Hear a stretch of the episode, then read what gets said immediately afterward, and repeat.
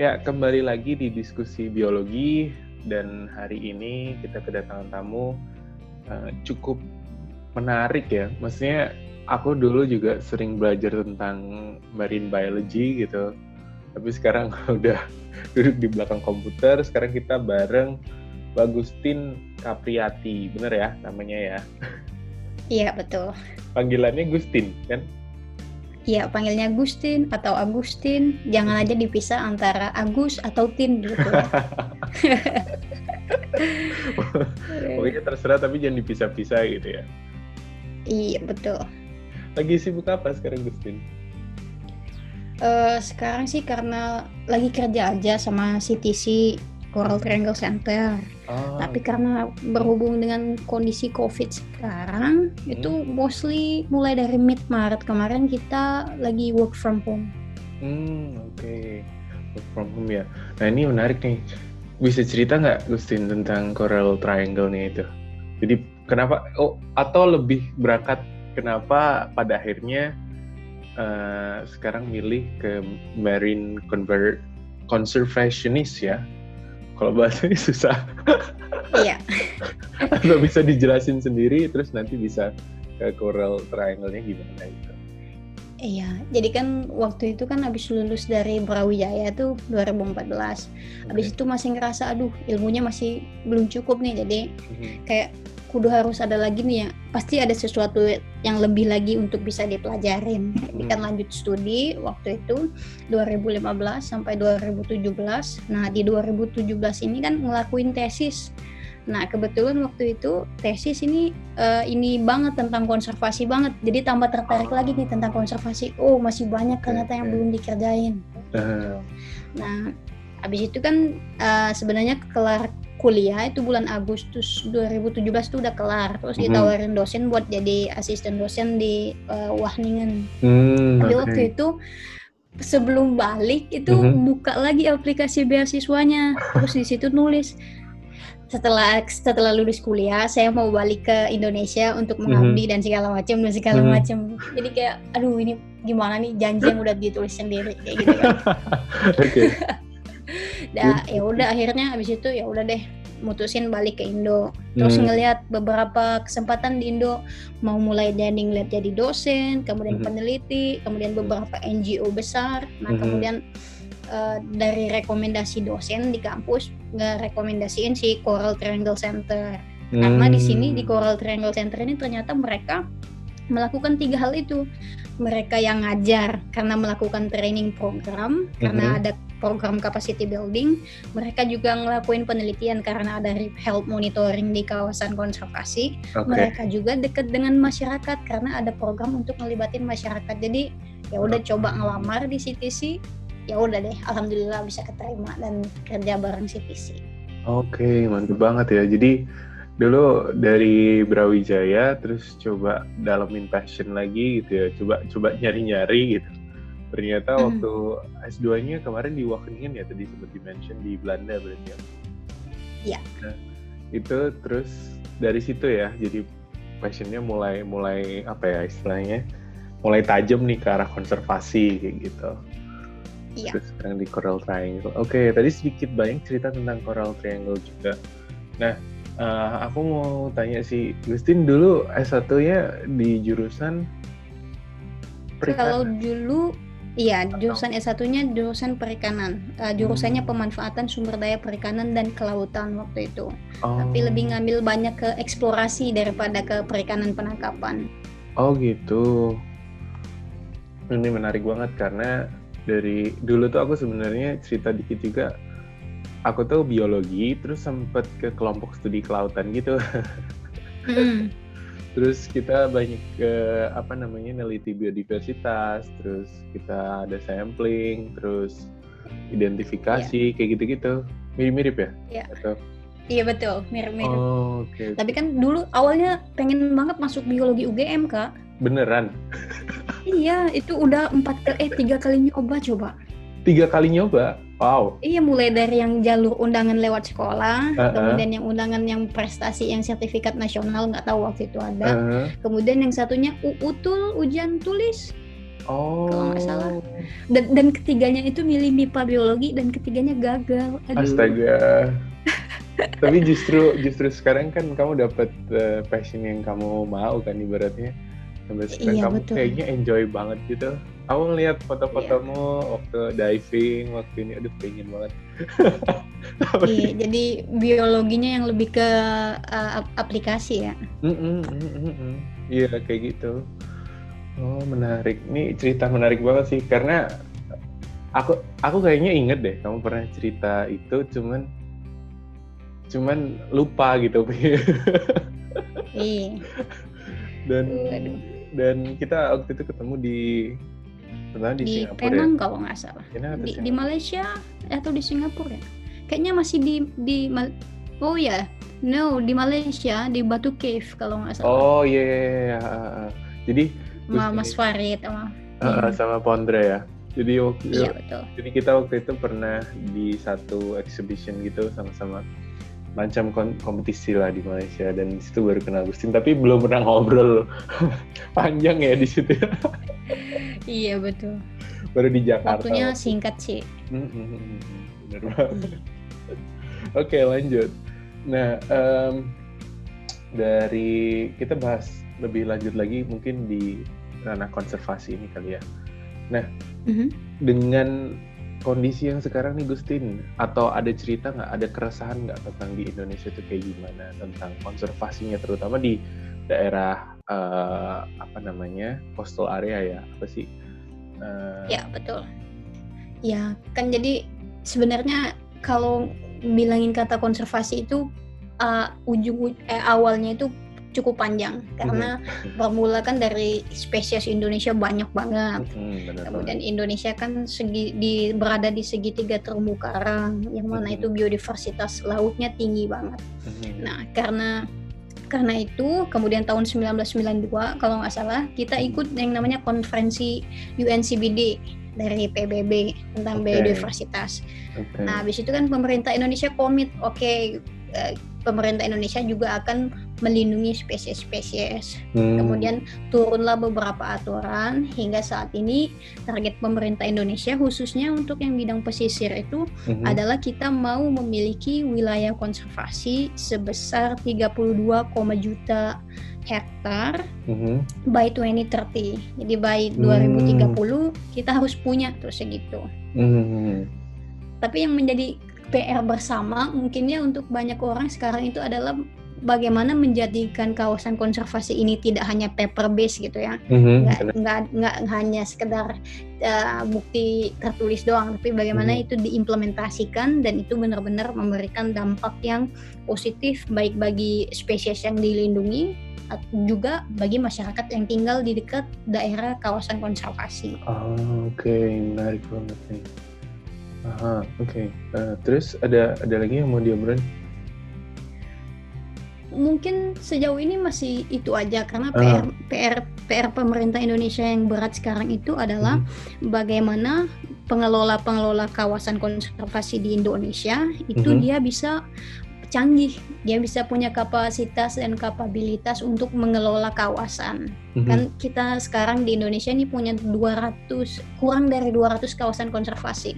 Oh. 10 kawasan konservasi nasional, uh-huh. konservasi perairan nasional dan sisanya itu perairan daerah. Mm. Nah, yang yang daerah ini dia dikelola oleh provinsi. Mm. Tapi tapi karena ada juga peraturan baru awalnya dikelola oleh ke, kabupaten kemudian pindah ke provinsi nah ini juga uh, secara regulasi juga masih cukup meresahkan, cukup bermasalah karena hmm. orang kabupaten bilang ini bukan tanggung jawab saya. orang provinsi bilangnya gini, iya ini tanggung jawab kita tapi kita belum siap orangnya ya kayak gitu-gitu. Oh, Oke, okay. jadi sebenarnya dari udah dari 92 ya tadi kalau diingat-ingat dari 92 ya. kita udah berkomitmen gitu ya untuk untuk menjaga biodiversitas yang ada di Indonesia, perluasan yeah. kawasan konservasi dan lain sebagainya komitmennya udah berat ya dulu, dulu. itu dari dari dulu komitmennya emang cukup berat karena okay. kita mau memenuhi target 10% IC target kan hmm, okay, nah okay. itu yang melindungi 10% dari wilayah Indonesia yang nggak boleh diapa-apain itu itu yang hmm. cukup menantang Hmm, maksudnya dalam arti nggak boleh diapa-apain itu tadi balik lagi ya nggak terus dibiarin aja tapi kalau bisa kita uh, conserve gitu ya dan mm-hmm. di, ditingkatkan nilai uh, apa ya value-nya itu kita tingkatin gitu biar bisa berfungsi buat masyarakat sekitar dan sebagainya gitu ya.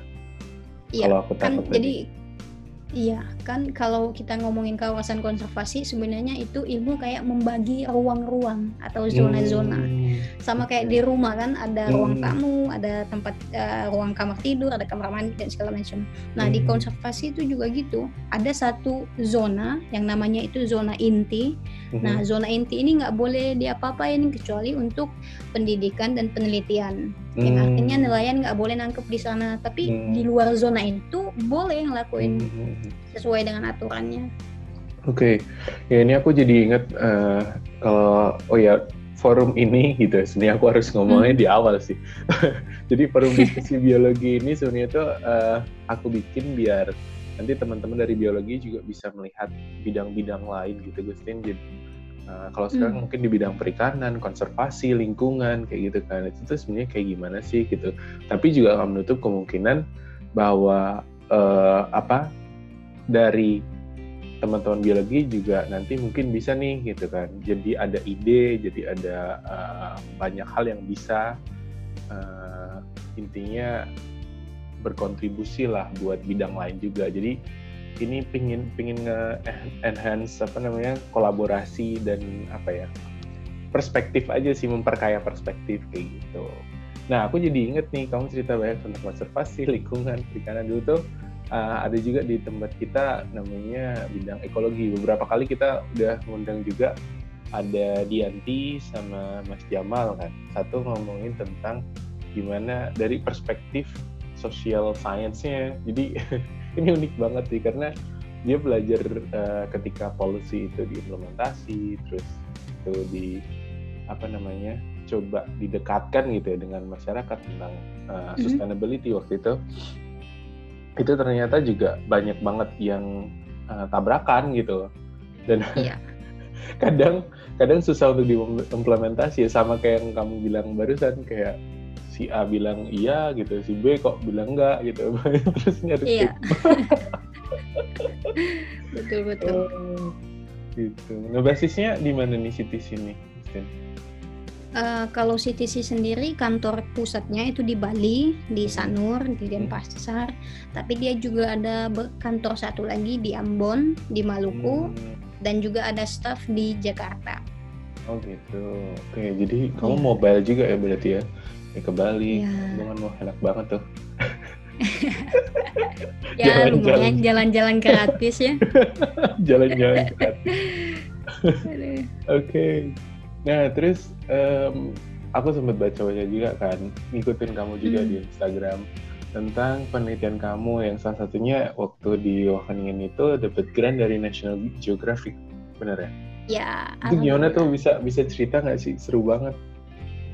Ya, kan waktu itu ngambil ngambil dua tesis kan harusnya mm -hmm. di Wageningen itu di tahun kedua itu mau satu tesis satu mm -hmm. magang Nah, kebetulan waktu itu karena saya nggak mau magang, uh-huh. jadinya milih satu tesis, satu tesis lagi. Oh gitu. Kemudian, oke. Okay. Iya. Terus kemudian sama dosen pembimbing di, dijelasin nih, oke okay, kita uh, kemungkinan budget segini-gini, uh-huh. melihat flexibility juga, misalnya mau field trip ke Indonesia dan segala macam, akhirnya kita apply grant dari National Geographic. Hmm. Dan alhamdulillah waktu itu grantnya keterima. Hmm, okay. Mungkin uh, keterima grantnya itu karena kita mau studi satu spesies yang sangat endemik namanya stingless jellyfish atau jellyfish nggak okay. berpenyengat. Oh. Kan kalau kita biasa kenal kan jellyfish itu nyengat kan ya. Hmm. Nah kalau si si jellyfish yang di di tempat ini tuh nggak berpenyengat. Namanya hmm. Mastihias papua. Nah, hmm. si Mastihias Papua ini dia berada hanya dapat ditemui di uh, di Marine Lakes atau di danau laut.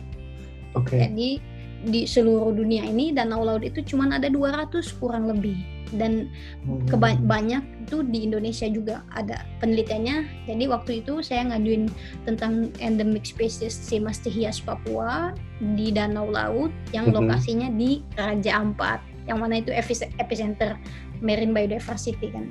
Oh iya Mungkin benar. dari situlah si si NetGeo-nya ini tertarik karena juga di program itu waktu itu saya ngebahas mengenai tentang eksplorasi, konservasi, sama kegiatan riset. Jadi digabungin hmm, tiga itu. Oke, okay.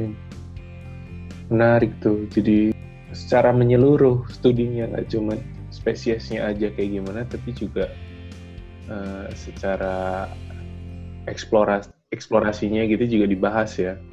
Natio iya. banget sih. Dan, dan semua orang bisa bisa apply loh. Oh iya. Jadi, iya. Dan semua uh-huh. jadi dia ngebuka yang yang namanya kan yang Explorer Grant. Uh-huh. Jadi itu teman-teman yang umurnya 18 sampai 25 tahun dia uh-huh. boleh nge-apply dan itu uh, dia nggak nggak pakai kuota kayak gitu nggak nggak pakai kayak harus 10 orang 20 orang nggak jadi misalnya sebanyak apa pun orang daftar uh-huh. dan kalau memang itu sesuai kriteria mereka uh-huh. dan mhm. mereka tertarik ya akan dibiayain juga jadi untuk uh-huh. teman-teman tadi yang sangka bilang mungkin ada ada adik kelas yang uh-huh. di di UGM atau di mana pun yang lainnya mau misalnya kekurangan dana let's say ya untuk penelitian bisa juga apply ke sana Hmm, oke. Okay.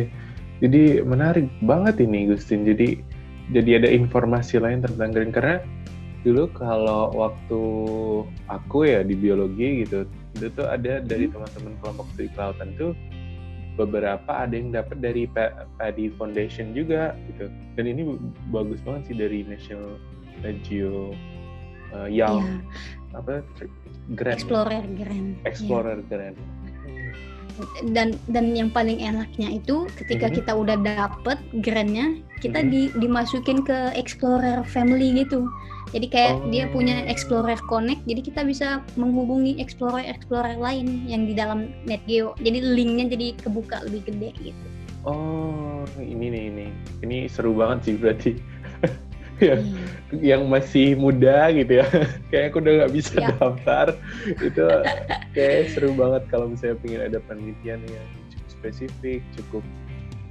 apa ya uh, dan ini nggak terbatas di perikanan sebenarnya atau kelautan ya bisa Enggak. apa aja gitu ya sebenarnya bisa bisa apa aja bisa tentang gajah bisa tentang harimau misalnya hmm. atau tentang uh, uh, tumbuh-tumbuhan yang langka itu juga hmm. bisa wow oke okay ya sih aku sempet cek juga ternyata ada microbes juga di situ.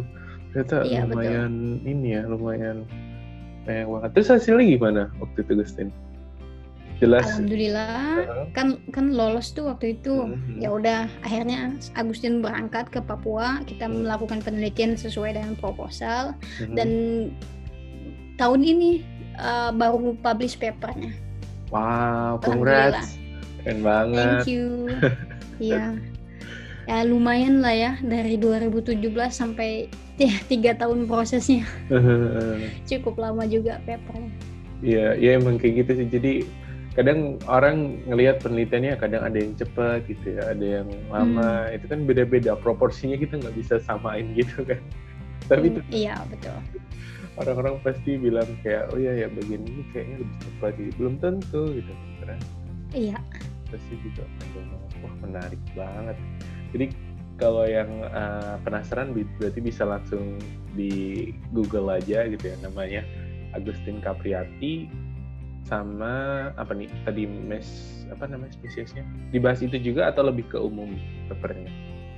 Tentang konsep? Bahas itu juga Ah. Jadi nanti di di paper itu ngebahas tentang sosial kehidupan sosial uh, di daerah oh, masyarakat di daerah danau laut itu mm-hmm. yang memanfaatkan spesies mastihias Papua, mm-hmm. si stingless jellyfish. Mm-hmm. Kemudian kita juga melihat si genetik si stingless jellyfish ini, mm-hmm. sama kita mau melihat point of view dari segi konservasinya kayak gimana sih? Harusnya kayak gimana konservasinya? Mm-hmm. Gitu. Oke. Okay.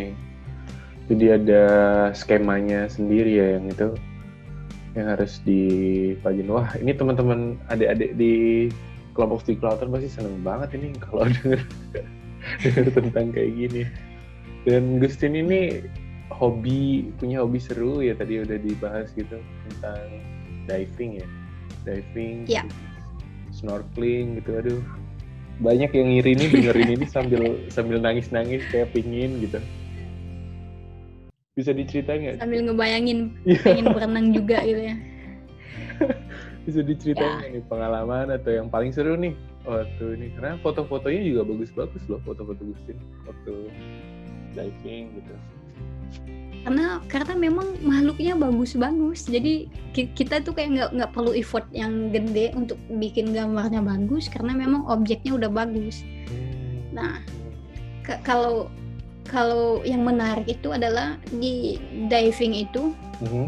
karena kalau yang menarik di diving itu adalah kita nemuin sesuatu yang nggak biasa kita lihat gitu kan Okay. Biasanya kan kayak kalau kita ngelihat manta ikan yang gede banget hmm. itu kan hmm. cuman di film ya, mungkin hmm. di YouTube atau di uh, siaran National Geographic dan segala macam. Tapi begitu kita beneran nyelam dan itu ngelihat sendiri itu aduh mungkin bisa nangis gitu kayak wow, amazed banget. nangis di dalam air walaupun nggak Iya, walaupun air juga ya. tapi ya sih seru aku belum pernah belum pernah jujur belum pernah diving cuman kalau uh, free apa namanya free, free diving uh, kayak snorkeling dan sebagainya itu dulu aku sering gitu sampai ke Lombok sampai kan kita ada ekspedisi sama eksplorasi juga uh-uh. itu gila keren sih apalagi aku ngebayangin wow. apalagi yang kayak kamu gitu ya kayaknya nggak bakal keluar dari air maunya dibawa terus sudah kalau nggak inget oksigen habis nggak bakal iya, naik iya, tuh bener, ya. harus nyobain kak Iya iya iya. Oke, nanti aku balik deh.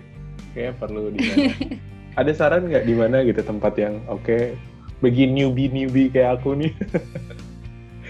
Aduh? Susah juga ya. Ka karena kalau sekarang karena aku udah nyelam di Raja Ampat, jadi aku uh. bakal bilang the best place itu ya memang Raja Ampat. Oh, okay. bagaimanapun itu ya nggak bisa pokoknya ya Raja Ampat karena dia itu unik banget oh, unik okay. banget gila hmm. sekali Berarti... nyelam kita tuh mungkin ratusan ribuan spesies bisa kita lihat oh jadi masih bagus banget ya oh, worth checking iya, banget nih banget. ke Raja Ampat. Walaupun kayaknya agak mahal sih ke sana ya. Aku pernah banding kalau ya. kayak tiket pesawat ke Raja Ampat PP gitu kan. Sama uh. waktu itu aku ke Halong Bay. Aku pernah coba oh di Vietnam. Liburan, uh, di Vietnam. Itu tuh kan mirip-mirip ya sinerinya juga mirip-mirip gitu. Yeah. kok harganya setengahnya? Lebih murah.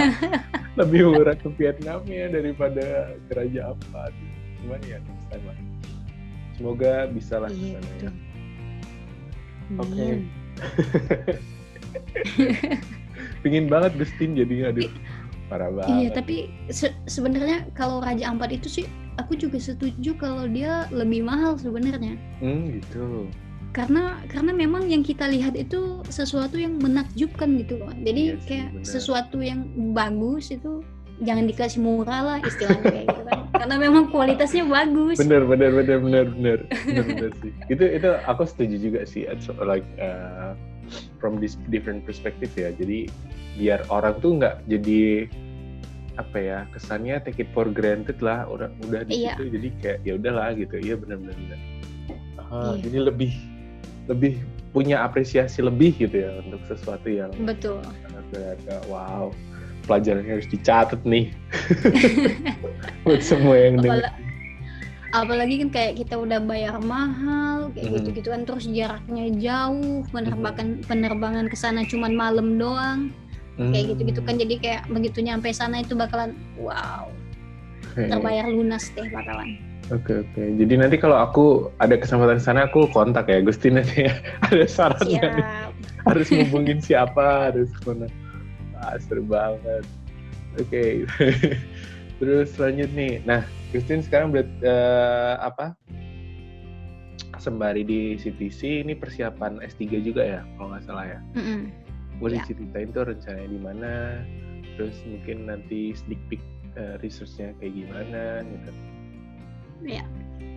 Jadi kan sekarang sembari kerja di CTC hmm. tapi alhamdulillah tahun lalu itu kan sempat apply beasiswa dari pemerintah Indonesia LPDP hmm. dan udah lolos hmm. alhamdulillah nah harusnya hmm. sih iya harusnya sih berangkatnya Agustus tahun ini nih oh tapi karena COVID uh -huh. dan kita uh, dari saran saran dari pihak pemberi beasiswa agar stay di Indonesia dulu jadi kita hmm. ya udah stay di Indonesia dulu dan sejauh ini persiapannya nanti akan studi lagi di Wahningen lagi balik lagi oh, ke okay. tempat yang dulu karena udah nemuin uh, supervisor yang cocok kemudian uh, ya gimana ya supervisornya udah cocok kemudian hmm. ahlinya kita tertarik belajar di bidang itu kayak gitu gitu dan kemungkinan besar nanti akan mengambil tempat di Raja Ampat lagi.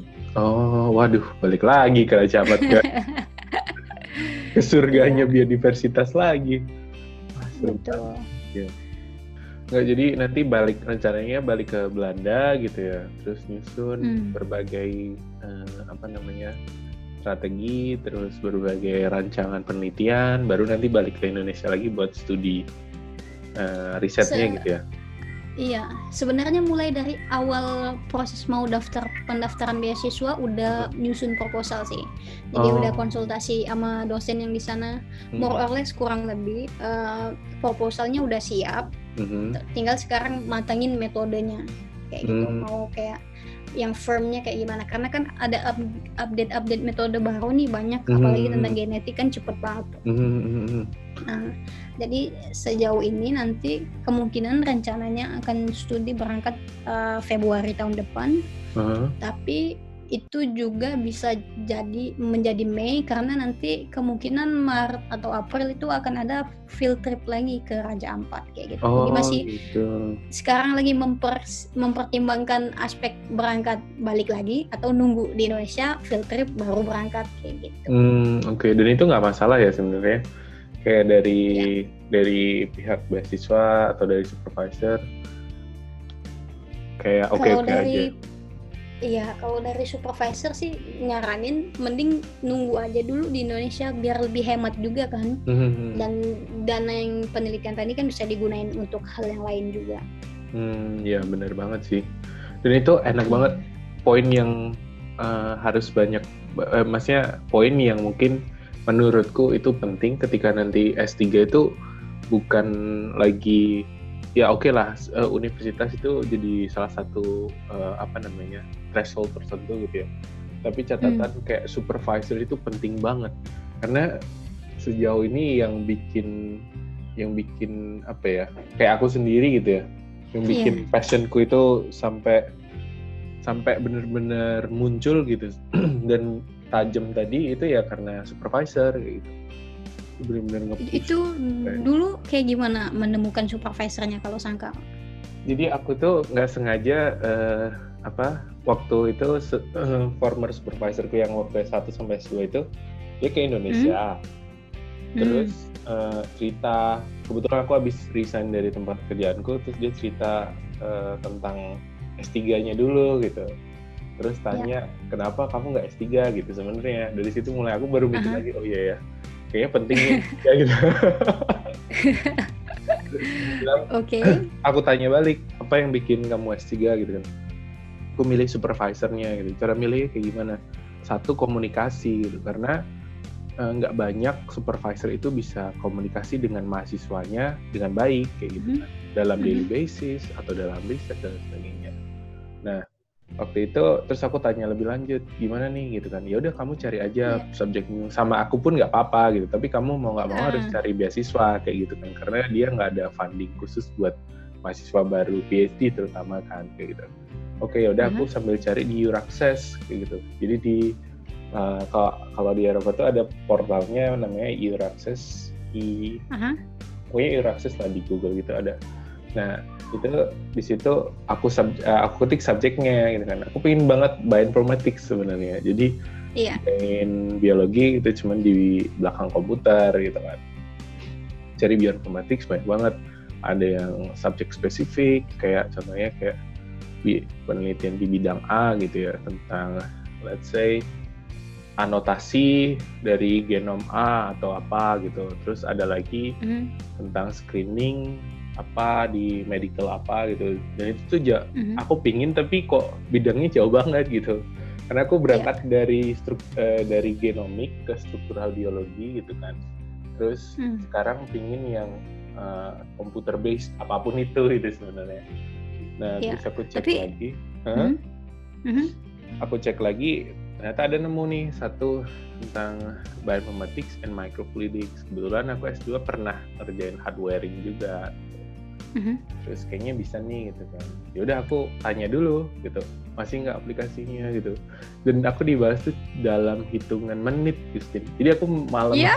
iya beneran sumpah aku email gitu kan terus dalam hitungan menit gitu uh, jadi aku email sekarang sama ya aku baru nanya ini aplikasinya buka apa enggak? Gitu dan uh, apakah pakai motivation letter sama CV itu cukup gitu kan. Terus dia mhm. langsung mm-hmm. ya ini masih dibuka tolong apply ya gitu. Kalau bisa nyantumin ini ini ini gitu. Itu dalam beberapa menit gitu.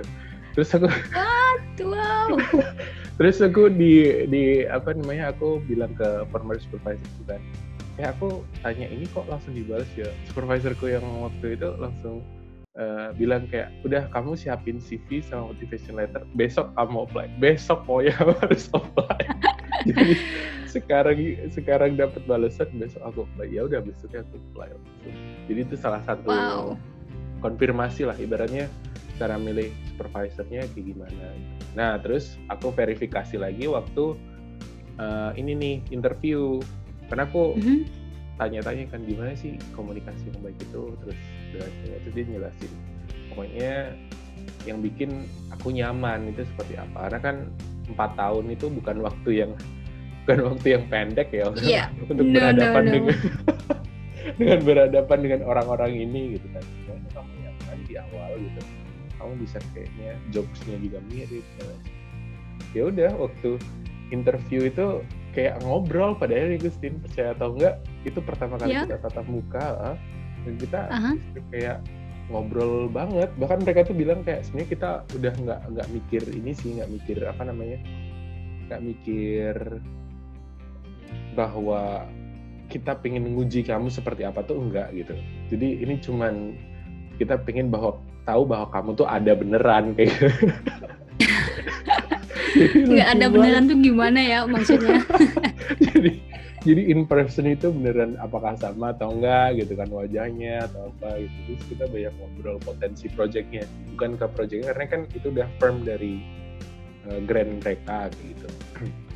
Kalau aku lebih ngobrolin nanti perspektif ke depan yang mungkin bisa dieksplor seperti apa gitu.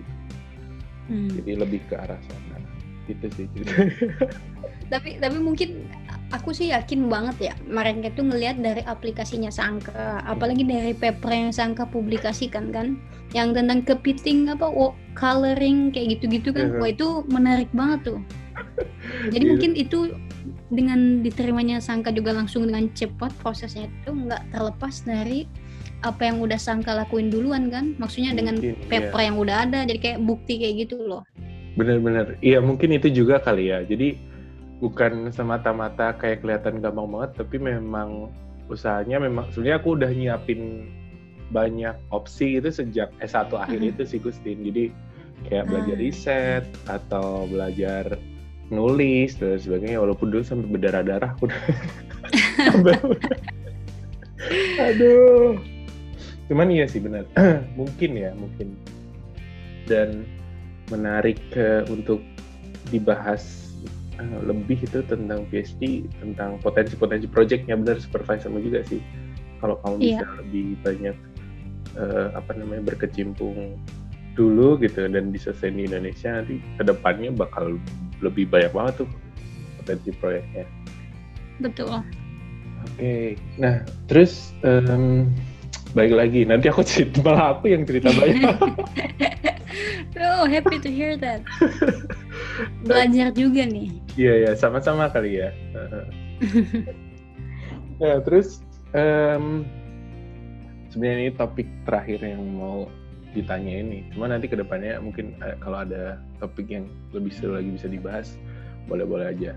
Tentang kolaborasi nih Gustin jadi hmm. jauh ini nih ngelakuin penelitian terus waktu kerja juga gitu kan di TC itu ada pengalaman atau ada keinginan buat berkolaborasi di bidang apa nih? Oke, okay, uh, eh, kolaborasi. Kalau bilang tentang kolaborasi ini sebenarnya sebelum kita berkolaborasi sama orang kita harus pahami dulu strength sama weaknessnya kayak gimana, uh -huh. okay. ya kan? Jadi kalau kita udah kenal strength kita gimana, weakness kita apa, jadi kita untuk nyari teman untuk berkolaborasi untuk mengisi weakness kita, hmm. atau bisa memperkuat strength kita tadi kan. Hmm. hmm, hmm. Oke. Okay. Nah, sejauh ini uh, Agustin kalau di CTC itu alhamdulillah kolaborasinya berjalan uh, sangat baik antar antar teman-teman. Jadi kayak nggak orang bilang misalnya kerja itu saingan kayak gitu-gitu. Hmm. Alhamdulillah nggak ada. Oh. Jadi karena saling saling bantu, misalnya kita nggak bisa ini, kemudian kita tanya siapa. Jadi kan secara nggak langsung di suasana kerja pun ada kolaborasi antar sesama employee kan kayak mm -hmm, gitu. Mm -hmm, benar banget. Nah, kalau kalau untuk perspektif kolaborasi lainnya itu dengan berkolaborasi kita bisa lebih cepat nyelesain sesuatu hmm, ya kan yeah, misalnya bener. misalnya kita bagi tugas lah kayak gitu ada yang bagian uh, ya bagian satu ada yang bagian dua kayak gitu jadi nanti hmm. bersama-sama jadi kerjaannya biar lebih cepat selain daripada itu kalau untuk berkolaborasi itu bisa membuat kita kayak zoom in zoom out gitu loh jadi hmm. kayak broaden view kita tuh kayak gimana. Jadi kan hmm. kalau kita doang misalnya ngelihat paragraf itu, oh udah bagus nih paragrafnya. Hmm. Tapi bisa jadi orang lain ngebacanya tuh, wah ini masih ada yang bisa ditambah ini bagian ini, bagian itu gitu. Jadi dari kolaborasi ya kayak gitu perspektifnya. Hmm. Dan sejauh ini kalau uh, secara khusus kolaborasi uh, Agustin ingin berkolaborasi karena sekarang lagi tertarik dengan dua hal mm-hmm. yaitu tentang pertama tentang modeling mm-hmm. atau kemudian yang kedua ini tertarik tentang bioinformatik atau genetik. Mm, gitu. okay. Jadi misalnya ada kesempatan, mm-hmm. mungkin nanti ke depan Agustin akan cari dua orang yang yang bergerak di bidang ini kayak gitu. Mm, Oke, okay. ini menarik banget sih mungkin lebih banyak ke genomiknya kali ya. Kayak barcoding metagenomik gitu gitu ya. Iya. Iya. Ah, oke. Okay. aku ada ada beberapa teman yang ke arah sana juga sih. Nanti aku bisa coba tanyain mereka kalau misalnya masih di Marin atau di mereka pingin coba bantuin Gustin juga mungkin bisa tuh. Oh would be pleasure. Ya yeah. kalau yang modelingnya ke arah apa bu?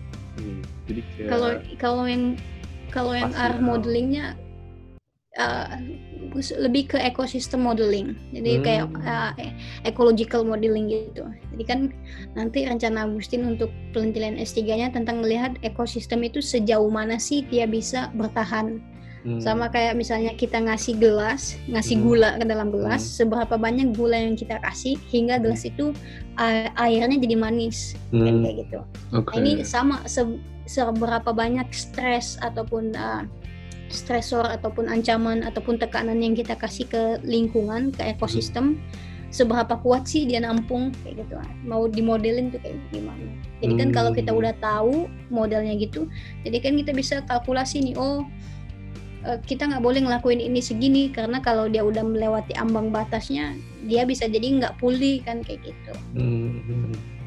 Oke, okay. itu juga kayaknya mirip-mirip sih sama yang maksudnya interestnya Mas Jamal kalau tahu ya Gus ini. Yang kemarin ya. juga ngisi. Yang kemarin uh, sesi hmm. sebelumnya ya. Hmm, sesi sebelumnya uh, itu juga menarik sih tentang tentang permodelan gitu. Mungkin bisa you two should really talk gitu. Mungkin ada possibility yeah. apa walaupun nggak kolaborasi langsung gitu kan. Mungkin bisa di brainstorm mm -hmm baik sih wow menarik banget tuh Ya, nah kayak gini nih, kayak gini nih dis diskusi biologi yang kayak gini nih yang bisa bikin bikin impact yang banyak nih nyambungin temen yang satu ke temen yang lain ini manfaat banget. Iya, karena rencananya kayak gitu juga ini pinginnya sih banyak uh. banyak teman-teman juga yang kalaupun punya ide dan pingin cari tentang uh, apa nih yang bisa kontri uh, di kontribusi di biologi atau kontribusi keluar gitu. Mm-hmm. dan dan kayaknya sekarang uh, mulai banyak nih yang yang pingin gitu ya. Cuman aku juga bingung buat bagi waktu ya. Ini bakal kayak gimana sibuk sih. Ya cuman ya apa ya sebenarnya PhD-nya enggak gitu ya. Cuman distractionnya itu yang distractionnya juga tentang PhD-nya Iya jadi kayak susah banget jadi oh, oke okay. tapi menarik ya nanti aku bisa coba sambungin juga ke Dianti atau Jamal buat bisa dapat perspektif dari social science-nya ya, atau nanti ada teman-teman yeah. yang yang mungkin nih gitu kan bisa tanya-tanya gitu kan mulai dari tips and trick ya jadi oh iya Gustin hmm. ini dapat S2 uh, beasiswa S2 dari Stunet kalau nggak salah benar ya iya uh, Stunet itu dari pemerintah Belanda terus S3-nya ini dari LPDP pemerintah ya. Indonesia iya. uh -uh. nah kalau mau tanya-tanya langsung nih bisa kontak ke mana nih Gustin bisa kontak ke email Agustin boleh mm-hmm. agustin.kapriati@yahoo.co.id okay. atau kontak via Instagram juga boleh chat uh-huh. langsung juga boleh free oke okay. kalau di Instagram Instagramnya apa Agustin Instagramnya Agustin CSN at Agustin CSN oke okay. at Agustin CSN Wah keren ya. banget, nggak kerasa ini udah hampir 45 menit. Nah mungkin ya. uh, kita tutup hampir, maksudnya sebelum kita tutup ada nggak nih uh, closing statement dari Justin yang mau disampaikan mm -hmm. uh, diskusi biologi? Oke, okay. uh, kalau dari Agustin sendiri, mungkin buat teman-teman yang belajar biologi pada umumnya ataupun lebih spesifik ilmu-ilmu lainnya yang itu berbasis alam hmm. jangan minder dengan orang-orang yang berdasi kerja kantoran dan segala macam atau do social tinggi ya hmm. kayak gitu karena kita juga harus uh, seneng dan kita harus menyadari bahwa kita itu Indonesia kaya dengan sumber daya alam dan manusia-manusia yang berkompetensi itu masih kurang sekali jumlahnya dengan membandingkan jumlah luasan Indonesia. Jadi kita harus menyadari sumber daya yang punya yang kita punya itu banyak. Kemudian kita harus mengenali dan mempelajarinya karena dengan mengenali dan mempelajarinya kita bisa peduli terhadap lingkungan, peduli terhadap alam. Dan untuk membuat orang lebih banyak peduli dengan alam atau dengan lingkungan kita juga harus mengkomunikasikannya dengan baik kayak gitu. Hmm jadi aspek sadari, kenali, pelajari, peduli sama komunikasi. Oke. Sangat penting nih buat buat dicatat di sebenarnya nggak cuma di konservasi aja gitu ya atau di biologi aja iya. tapi berbagai bidang tuh harus kayak gitu sih. Betul. Jadi iya. semuanya juga harus divalidasi, harus di maksudnya nggak cuma asal baca terus bisa langsung diimplementasi gitu ya. Tapi iya, harus bener. harus dipelajari juga benar kenali mau makasih banyak Gustin udah mau gabung di diskusi biologi semoga lancar penelitiannya kerjaan juga terus sama persiapan PhD-nya ya Amin. Terima kasih juga udah ngobrol bareng. Semoga juga bisa lancar penelitiannya, PhD-nya. Amin. Amin. Kayak jalan tol dan dipermudah pokoknya semuanya. Oke, okay, makasih banyak Gustin. Oke, makasih.